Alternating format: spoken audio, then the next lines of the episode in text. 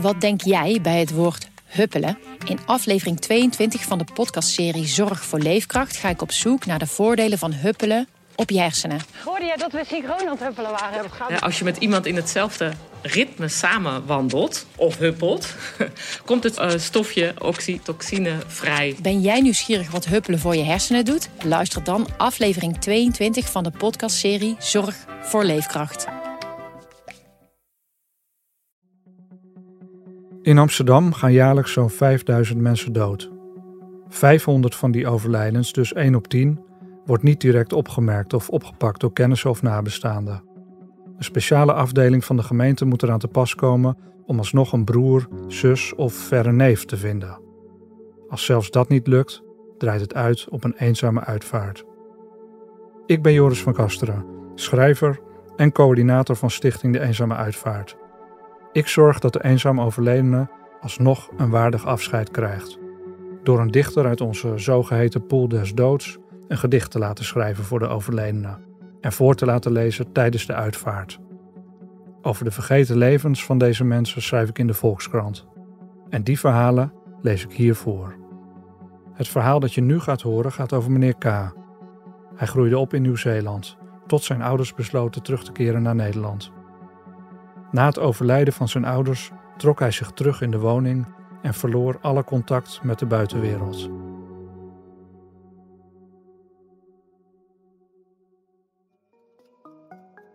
Bovengrondse mijn.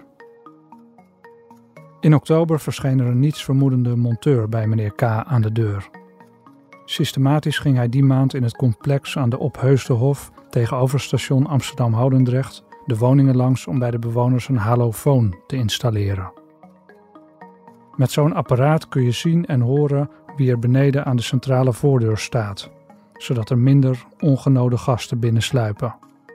De corporatie had de huurders per brief op de hoogte gesteld. Op de galerij voor de woning van meneer K. hoopte zich een hoeveelheid vuilniszakken en dozen met onduidelijke troep op. De monteur drukte op de bel, die niet leek te functioneren, en klopte toen een paar keer aan. Een vreemd gerommel klonk. Het leek van achteruit de woning te komen. Iets bewoog zich kruipend in de richting van de monteur. Achter de voordeur richtte het zich op, met veel geknisper en gekraak. Meerdere sloten werden ontgrendeld, gerinkel van kettingen. De deur ging op een kier. Een duizelingwekkende ammoniakgeur sloeg de monteur in het gezicht. De kier verwijde zich en een langgerekte, graadmagere gestalte kwam tevoorschijn, slechts gehuld in een bermuda. De gestalte, nauwelijks nog een mens, droeg een mijnwerkershelm met lamp op zijn hoofd. Achter hem rees een aangekoekte wal op van kleding, karton en wegwerpartikelen. De monteur stamelde iets over de werking van de halofoon en waar die ongeveer bevestigd moest worden. De gestalte opende de deur wat verder de wal bood deinend weerstand. Lege statiegeldflessen rolden de galerij op. Aan zijn langnagelige voeten schoot ongedierte weg, geschrokken van het daglicht. Vrij coherent maakte hij duidelijk geen behoefte te hebben aan een halofoon. Sowieso kon zo'n apparaat niet worden opgehangen, want zijn muren waren anders dan gewone muren. De deur ging dicht. Binnen vond een kleine aardverschuiving plaats. Het wezen verdween. Langzaam trok het zich terug.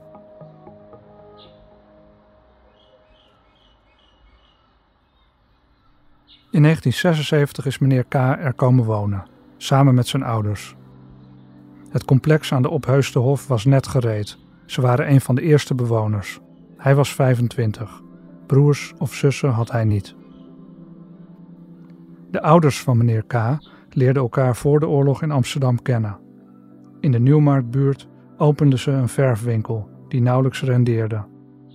In 1951, na de geboorte van hun zoon, deden ze de nering noodgedwongen van de hand. Ze besloten te emigreren, zoals honderdduizenden Nederlanders in die tijd, vanwege de woningnood en het geboorteoverschot, aangemoedigd door de overheid. Premier Drees en koningin Juliana zeiden dat een deel van het volk bereid moest zijn de toekomst elders te beproeven. De ouders van meneer K. kozen voor Nieuw-Zeeland. In de kranten werd druk geadverteerd voor dat land. Arbeidsbureaus organiseerden voorlichtingsavonden waarbij films van het spectaculaire landschap werden vertoond. In Nieuw-Zeeland bestond geen oorlogsleed, woningnood of armoede. Van een eventuele derde wereldoorlog had je er niet zo gauw last. In 1955 voeren ze met het stoomschip Grote Beer van Rotterdam naar Auckland. Dag op de terreinen van de Rotterdamse Lloyd. Dat kon ook haast niet anders, want voordat er 1600 emigranten zijn ingescheept, waaronder maar liefst 225 kinderen van klein tot groot, komt er het een en ander kijken. De vader van meneer K. vond pas na lang zoeken een betrekking in de mijnbouw. Hij werd ondergronds opzichter in het mijngebied ten zuiden van Auckland, waar ijzererts werd gewonnen. Niet het soort baan dat hem op de voorlichtingsavonden was voorgespiegeld. Meneer K. ging in Auckland naar school. Hij leerde vloeiend Engels spreken. Zijn ouders bleven in het Hollands met hem praten. Hij kon het ook, al was het met een zwaar accent. Hij was goed in wiskunde en hield van techniek. Aan een technische universiteit studeerde hij microelektronica. Zijn moeder zat alleen thuis. Heimwee kwelde haar. Ze schreef lange brieven aan haar behoeftige moeder, die in Nederland was achtergebleven. Zeer tegen de zin van meneer K. werd een ingrijpend besluit genomen. Vanwege de heimwee en het vervelende werk keerde het gezin terug naar Nederland, waar werkgelegenheid en de leefomstandigheden flink waren verbeterd. Twintig jaar waren verstreken toen ze opnieuw aanmonsterden voor een enkele reis in tegenovergestelde richting.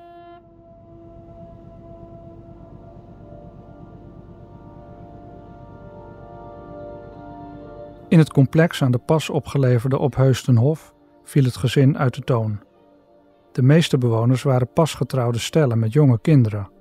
Bijlmer-idealisten die de krappe Amsterdamse binnenstad inruilden voor een op de toekomst gerichte omgeving. Het gezin van meneer K. was niet alleen ouder, maar ook erg anders. De culturele verschuivingen die zich in West-Europa hadden voltrokken, leken volkomen aan hen voorbij te zijn gegaan. Ze droegen ouderwetse kleding en smeerden nog pomade in het haar. Meneer K. was een lange staak, zijn ouders bol en klein. De vader van meneer K. werd aangenomen bij een bedrijfje dat op de Amsterdamse beurs in effecten handelde. Ochtends stapte hij met een door zijn vrouw gevuld broodtrommeltje op het fonkelnieuwe station op de metro. Meneer K. zelf werd aangenomen bij Medtronics, een fabrikant van pacemakers gevestigd op Schiphol. Meneer K.'s moeder bezocht haar moeder regelmatig, maar kwam, toen die overleed, weer in haar eentje thuis te zitten. Ze stortte zich fanatiek op het huishouden. Geen woning in het complex was zo netjes en schoon. Nooit kwam er iemand bij hen op bezoek. De ouders van meneer K. hadden volgens aan het stadsarchief ontleende gegevens geen broers of zussen. Andere familieleden zijn evenmin te vinden.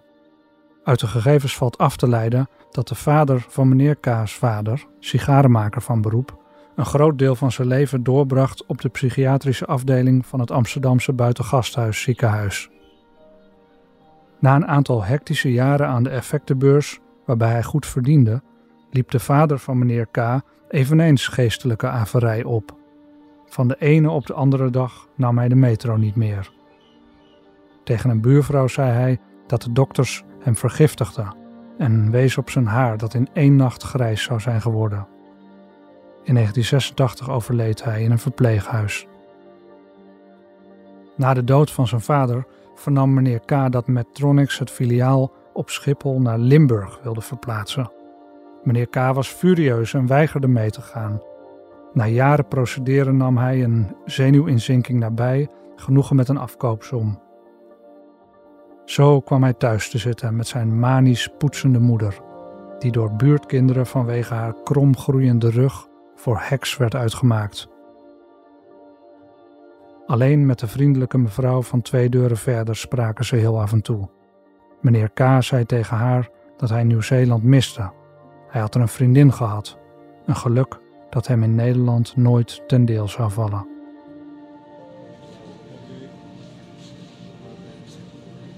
Met zijn moeder maakte meneer K. uitjes.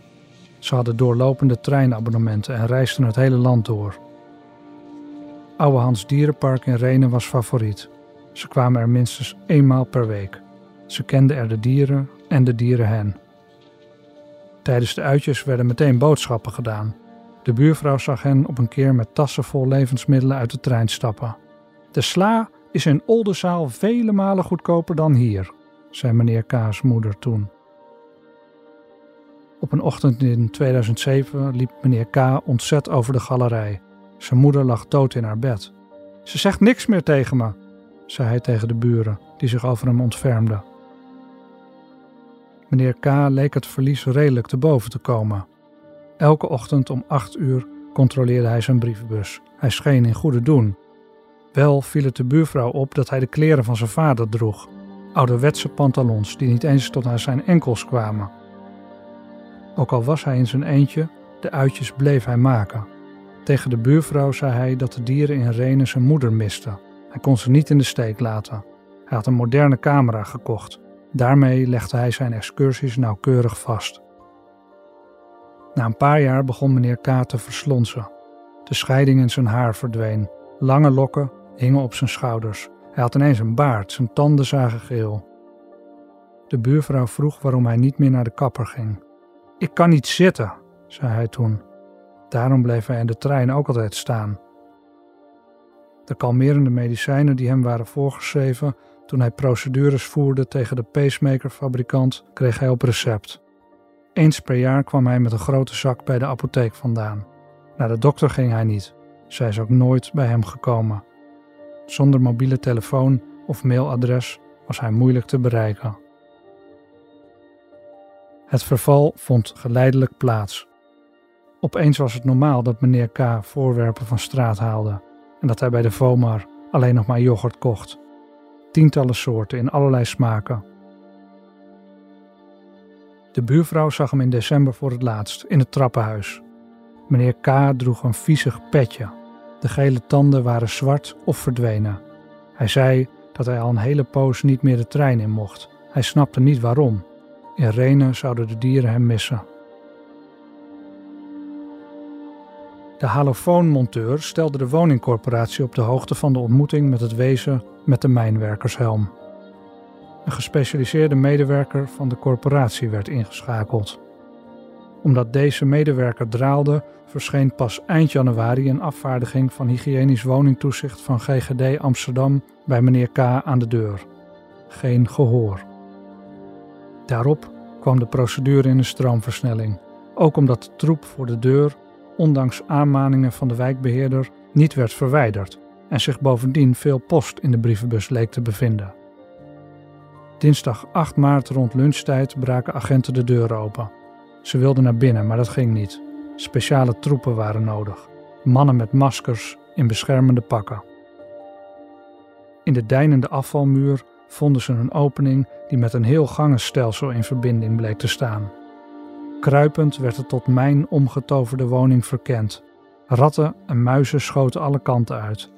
Helemaal achterin bevond zich een slaapkamer waar een instorting had plaatsgevonden.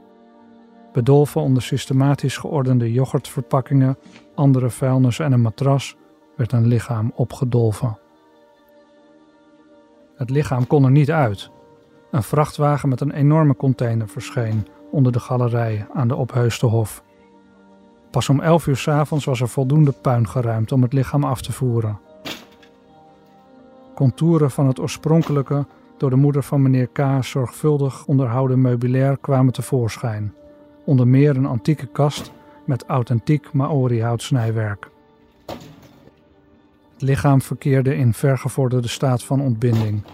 Identificatie aan de hand van foto's was onmogelijk. In de mond zaten geen tanden meer. Bovendien was meneer K. al een eeuwigheid niet meer bij de tandarts geweest. DNA-materiaal kon worden afgenomen, maar er is geen familielid om het mee te vergelijken.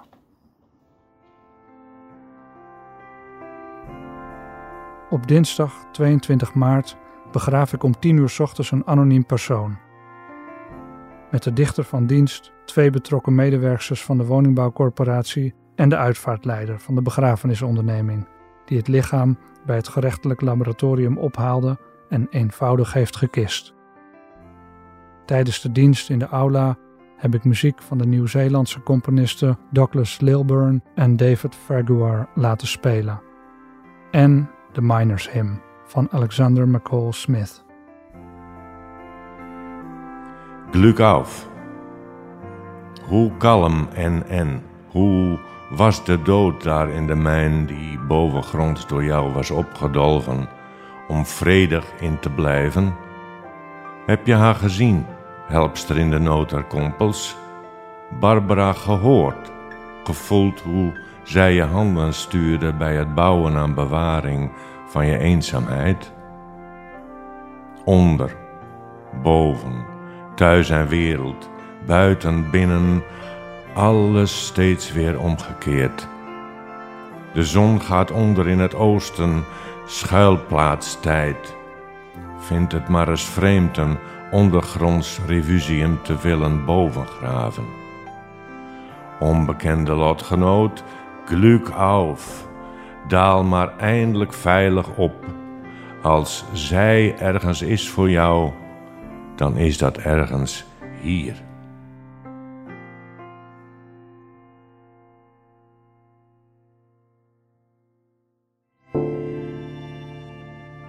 Dit was De Eenzame Uitvaart. Je kunt het verhaal teruglezen op de website van de Volkskrant. Ik ben Joris van Kasteren. De dichter van dienst was Atte Jongstra. De illustraties bij de verhalen en deze podcast zijn gemaakt door Merel Corduener. Montage en sounddesign zijn gedaan door Daan Hofstee. Dank aan de gemeente Amsterdam en Stichting De Eenzame Uitvaart. Vergeet niet een beoordeling achter te laten. En voor meer podcasts van de Volkskrant kun je kijken op volkskrant.nl/slash podcast. Wat denk jij bij het woord huppelen? In aflevering 22 van de podcastserie Zorg voor Leefkracht ga ik op zoek naar de voordelen van huppelen op je hersenen. Hoorde jij dat we synchroon aan het huppelen waren? Ja, als je met iemand in hetzelfde ritme samen wandelt of huppelt, komt het eh, stofje oxytocine vrij. Ben jij nieuwsgierig wat huppelen voor je hersenen doet? Luister dan aflevering 22 van de podcastserie Zorg voor Leefkracht.